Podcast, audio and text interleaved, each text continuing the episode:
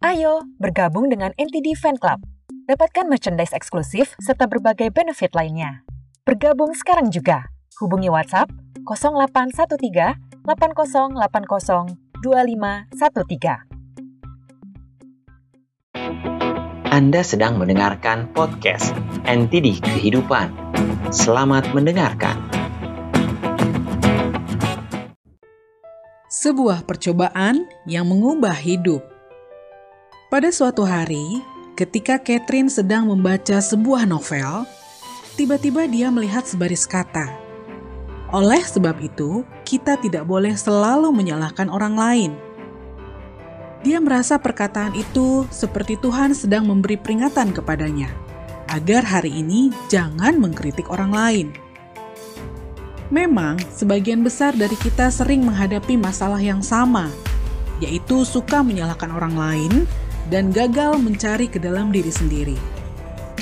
Sebenarnya, orang yang tidak mau mengakui kesalahan termasuk kategori jenis ini.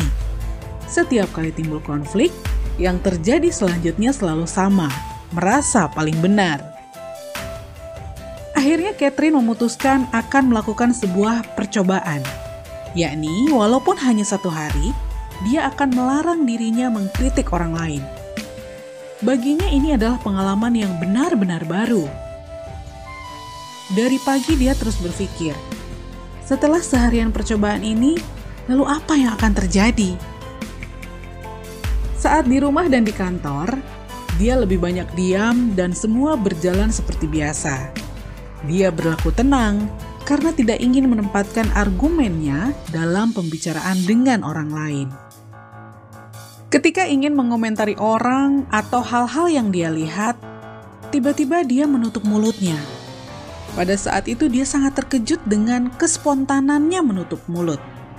Biasanya banyak sekali kritik dan penilaian yang telah dia lakukan. Lalu pada sore hari, terjadi suatu hal yang istimewa. Pikiran dan ide-idenya mengalir keluar seperti keran air yang terbuka. Hal tersebut sudah lama tidak pernah terjadi. Di penghujung hari, dia terkejut menemukan akibat dari berhenti mengkritik orang lain. Dia menjadi sering mencari ke dalam diri sendiri atas apa yang terjadi, atas apa yang dia temui, dan hal seperti ini secara alamiah muncul. Semuanya disebabkan karena tidak mempunyai pemikiran untuk mengkritik orang lain.